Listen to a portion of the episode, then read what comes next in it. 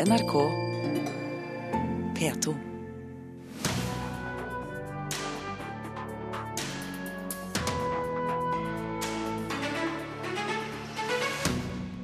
Politiet stenger piratside for fildeling for første gang i Norge.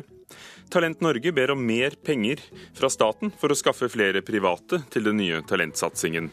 Og Fredagspanelet diskuterer nettopp sponsing, røffe programledere, og om Oslo alltid er det beste stedet å være eller ikke. Kulturnytt i Nyhetsmorgen i NRK med Ugo Fermariello i studio. For første gang har politiet stengt en norsk fildelingsside på internett. Siden norskfilm.nett viste ulovlige kopier av norske filmer og TV-serier, og ble stengt etter at politiet gikk til aksjon i februar i år. Et resultat av mange års målrettet arbeid, sier rettighetshaverne.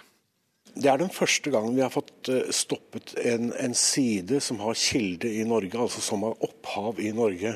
Det sier Willy Johansen, leder i Rettighetsalliansen, som representerer de som sitter med rettene til bl.a. denne filmen. Fjorårets best besøkte norske film på kino, bilfilmen 'Burning', var en av mange norske filmer og TV-serier som en kunne se helt gratis på sida norskfilm.nett. Og Etter en måned så hadde den 7000 visninger på denne siden, så det sier litt om tapene til produsenten. I februar i år gikk politiet til aksjon og drog inn data og telefonutstyr. En mann i 20-åra fra Vestfold har tilstått at han står bak sida, og er sikta for brudd på åndsverkslova. Det var en side som han har eh, oppretta, hvor han har uh, tilrettelagt for uh, fildeling. Det var jo sånn at du kunne se, altså klikke på og se filmene, som du kan på Netflix, den type sider. Det sier politiadvokat i Vestfold politidistrikt Torje Arneson, som regner med at saka kommer for retten før sommeren. Men ikke alle er samde i måten styresmaktene kjemper mot brudd på opphavsretten. Altså Når nettsider blir blokkert i andre land, så kaller man det sensur. Her så kaller man det opphavsrettsbekjempelse, eller piratbekjempelse, eller et eller annet. Virkemidlet nøyaktig det samme. Sier Øystein Jacobsen, som er talsmann for piratpartiet i Norge. På datamaskina si ser han på en film gjennom den ulovlige strømmetjenesten Popcorn Time. Grunnen til at folk eh, bruker tjenester som dette, er jo fordi de ikke får tak i det på annet vis. Eh, hadde bransjen tilbudt disse filmene eh, på tilsvarende vilkår til en pris som var overlevelig, eh, og det har jo Spotify bevist, så hadde folk tatt den i bruk. For strømmetjenester som Spotify og Vimp har bidratt til at tallet på ulovlige nedlastinger av musikk har stupt de siste åra i Norge. Men rettshaver Willy Johansen har inga tru på en variant av Spotify for film og TV. Eh, problemstillingen på film er noe annet. Hvis man skulle begynt å selge all mulig film for 99 kroner, så hadde det ikke vært noe mer filmindustri. Det hadde ikke vært noe mer kinoer, det hadde ikke vært noe mer DVD og ikke noe Blu-ray. Ingenting. 250 kroner i måneden, da? Ikke engang muligheter. Og reporter var Lars Ivar Nordahl. Jan Birkeland, ansvarlig redaktør i PC World. For første gang har politiet stengt en fildelingsside i Norge, og bransjen som vi hørte sier selv at dette er et gjennombrudd. Er du enig? Eh, ja, det er eh, på en måte et gjennombrudd. Det er altså Siden den nye åndsverksloven tredde i kraft i 2013, eh, så er nok dette det, det første ordentlige eksempelet vi har sett. Men tror du folk lar seg avskrekke? Det er, eh, altså det er vanskelig å si. Eh, jeg tror nok ikke det. De som er eh, fast bestemte på å laste ned, de finner alltid veier rundt lovverket og gjør dette på. Hvorfor har det tatt sånn tid da, før de har aksjonert i Norge? For i Tyskland vet vi at politiet dukker opp på døren med bøter hvis man selv en uskyldig student, altså ikke helt uskyldig, har lastet ned noe. Mens i Norge så har filmbransjen mast om dette i tiår. Ja, altså det, som sagt, Åndsverksloven kom ikke, eller tredje dag i kraft i, i 2013. Um, og vi vet jo også at Politiet har også sagt at er, dette er ikke noe som blir prioritert veldig høyt. Uh, og Det de da snakker om, er den jevne brukeren som laster ned en film som er produsert uh, i Hollywood, f.eks. Mens uh, i dette tilfellet så er det da noen som har lagt til rette for helt spesifikk deling av en norsk film. Og det er klart da blir presset litt større her hjemmefra. Hva mener du bransjen selv kunne gjort for å forhindre fildeling? Altså jeg, eh, jeg, tror nok at den eneste muligheten til å stoppe piratvirksomhet, eh, og selv om jeg tror at det rett og slett er litt usannsynlig at det kommer til å skje, det er å komme med et bedre alternativ. Eh, og med det så mener jeg f.eks. det musikkbransjen har gjort med Spotify. Vi så at i, i 2009 så brukte altså 70 av nordmenn under 30 år piratkopierte musikk. Og i, eh, i, 2014 så var det tallet 4% pga. Spotify og Vimp og lignende tjenester. Men samtidig sier da filmbransjen her at det funker for musikk, men for, for film så gir ikke det nok inntekter til å holde industrien i gang? Nei da, jeg, jeg, registrerer at de sier det, men jeg tror vi ser, eh, og vi har sett nok internasjonale eksempler på at dette fungerer OK. Både med storproduksjon på TV eh, og også da film i utlandet. Så selv om eh, du som redaktør av PC World eh, mener at eh, dette ville være smart, så er det vel bransjens privilegium å si nei? Vi vil holde på den gamle forretningsmodellen. Det er selvsagt bransjens privilegium, og det var også musikkbransjens privilegium. Og vi så hvem som feilet og hvem som kom videre der og gjorde, klarte å snu dette til en suksesshistorie. Tror du vi vil se flere slike aksjoner fra politiet fremover? At denne typen kriminalitet vil, vil bli tatt med hardere klype? Jeg tror nok vi vil se det i hvert fall da, i spesifikke områder, spesielt da norsk film, eh, hvor som sagt presset blir litt større her hjemmefra. Mens jeg tror nok vi ikke vil få se så mye at det er en 14-åring eh, som har lastet ned en TV-serie fra USA. Jeg tviler på at de får besøk fra politiet med det første. Takk skal du ha, Jan Birkeland, ansvarlig redaktør i PC World.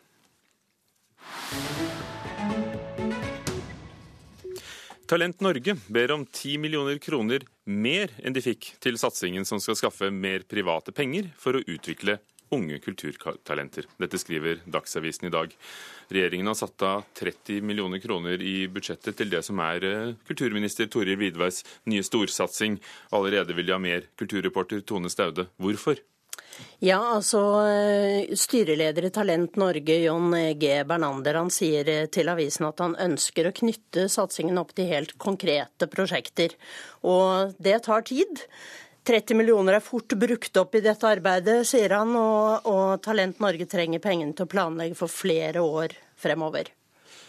Hvordan er interessen for satsingen så langt? Det er ikke så lenge siden den ble lansert. Ja, Bernander sier han har snakket med flere som kan bli fremtidige samarbeidspartnere, men eh, om noen år. For eh, de som kan søke denne ordningen, Talent eh, Norge, de er beskrevet som fra 16 år oppover blant de beste i verden på sitt felt, eller de må altså kunne dokumentere sin mulighet til å kunne bli det, og vi skjønner at det ikke skjer over natta. Så de ønsker mer penger. Er det foreløpig, ifølge avisen, noen kommentar fra Vidvei eller regjeringen? Nei, det er det foreløpig ikke. Så vi følger med. Takk. Ja. Tone Staude. Apropos unge talenter, disse har gjort det stort. So am I wrong?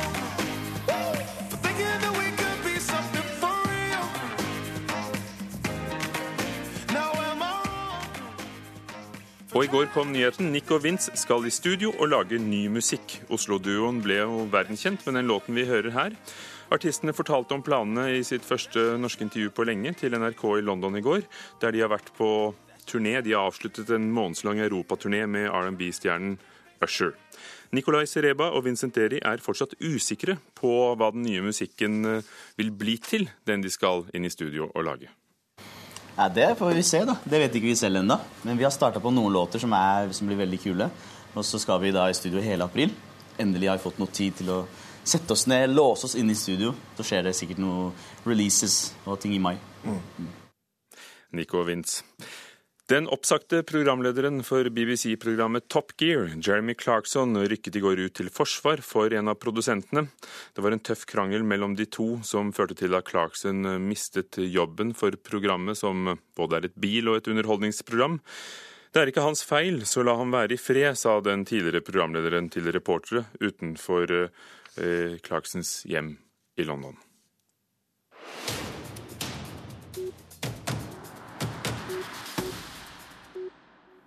Barnehuset i Tromsø har fått nye lokaler, og to kunstnere fikk oppdraget med å lage en helhetlig utsmykking. Jan Frøyken og Linn Pedersen sier de kjente en ny ansvarsfølelse, som de ikke tidligere har følt før et oppdrag. For her handlet det om å finne empatien og lage noe som kan være beroligende for barn. Altså, Det begynner jo når du kommer ut av heisen. Så står han gutten på sida og sier hei og vinker.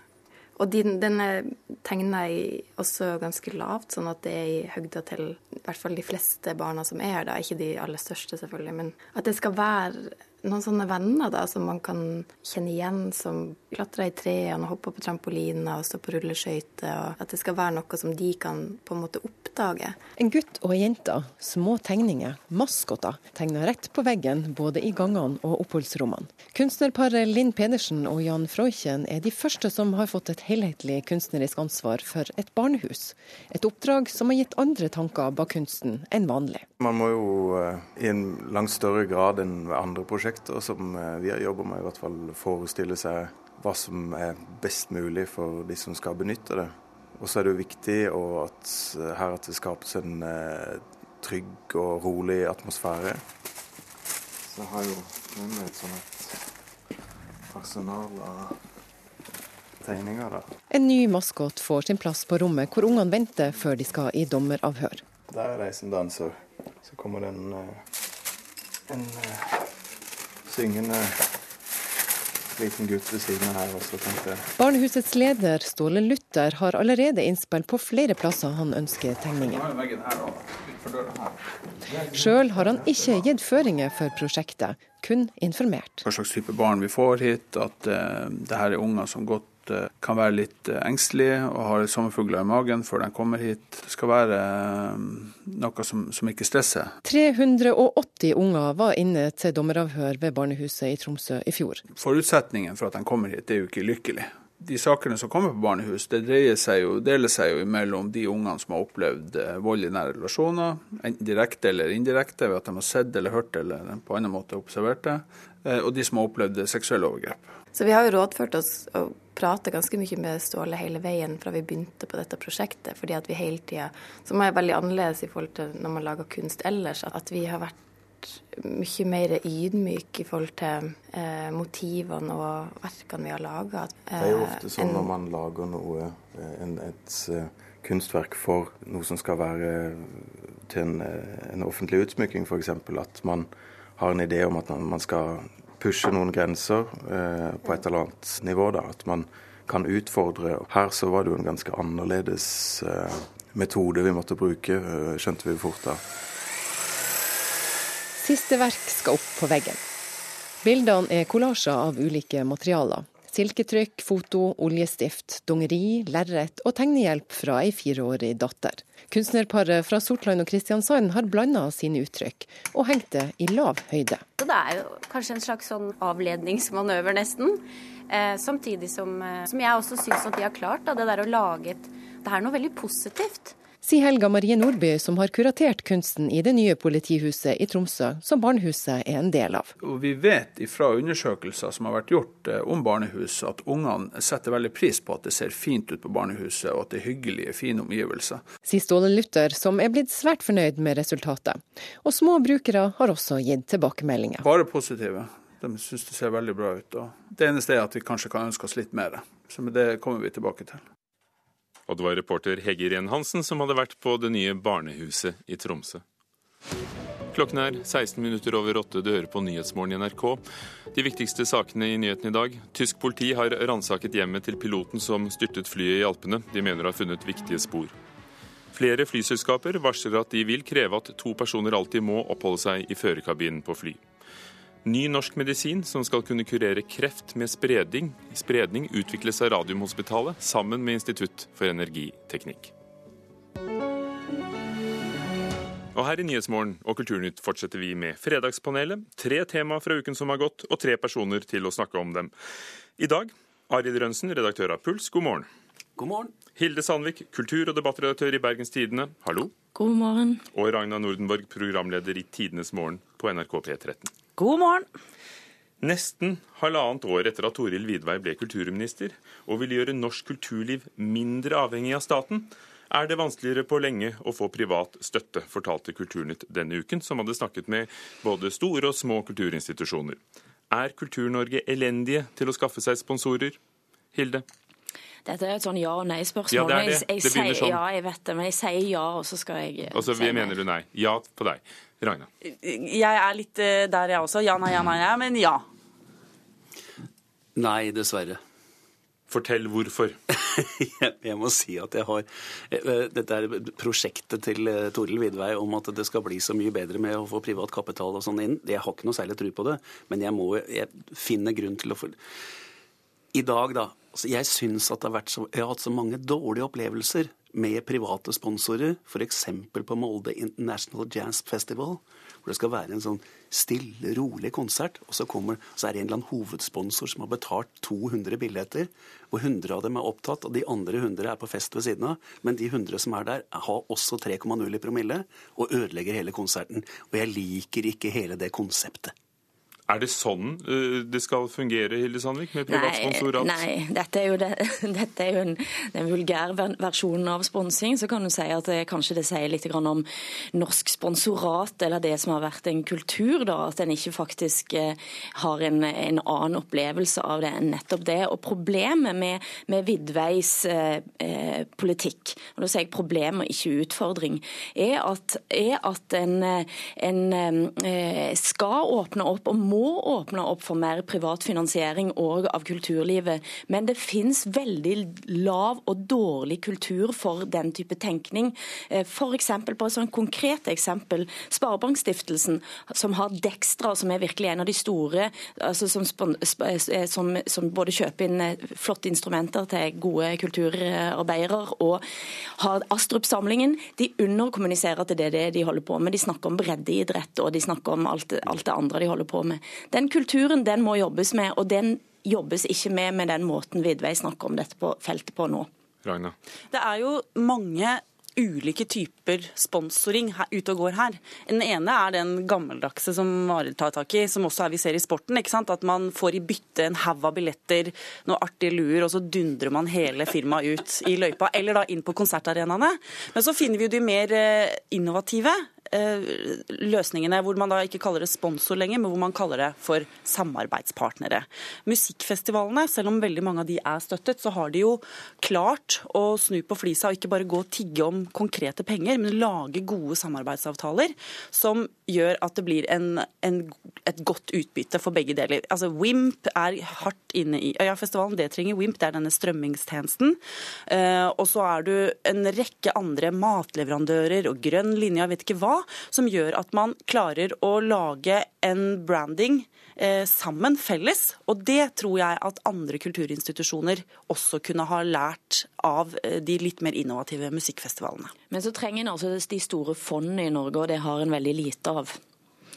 Men, men, det handler jo kanskje også om hvordan næringslivet er bygd opp. da. Kanskje de føler at de betaler såpass mye skatter og avgifter at, at så får søren meg staten ta hånd om eh, veldedigheten her. Problemet ligger kanskje først og fremst i det, da at, uh, at Toril Vidvei står kanskje for en kulturpolitisk linje hvor det, det, privatkapitalen skal ta over for de statlige uh, inntektene.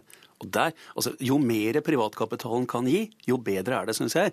Men altså, det må ikke gå på, gå på, bekostning av statlige utgifter til uh, kulturlivet. Nei, det, som, ja, unnskyld, det som er, ja, ja, det som er eh, litt interessant å se på Jeg så på noen gamle kulturmeldinger, f.eks. da Åse Kleveland var kulturminister i Norge, hvor det var eh, fy og skam å skulle bli sponset av noe annet enn staten. Og dette er jo en foreldet tankegang. Men.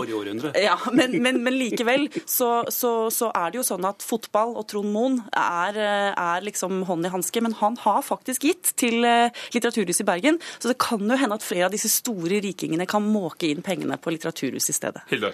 Ja, altså Den skal jobbe med den kulturelle kapitalen parallelt, og det er jo feil å snakke om, om dette som om denne regjeringen har strupa helt offentlig støtte. Det er minimal forskjell eh, på den forrige og nåværende regjering, men det er en forskjellig måte å snakke om det på. Og Jeg skulle ønsket at Toril Vidvei hadde snakket om dette på med en større troverdighet.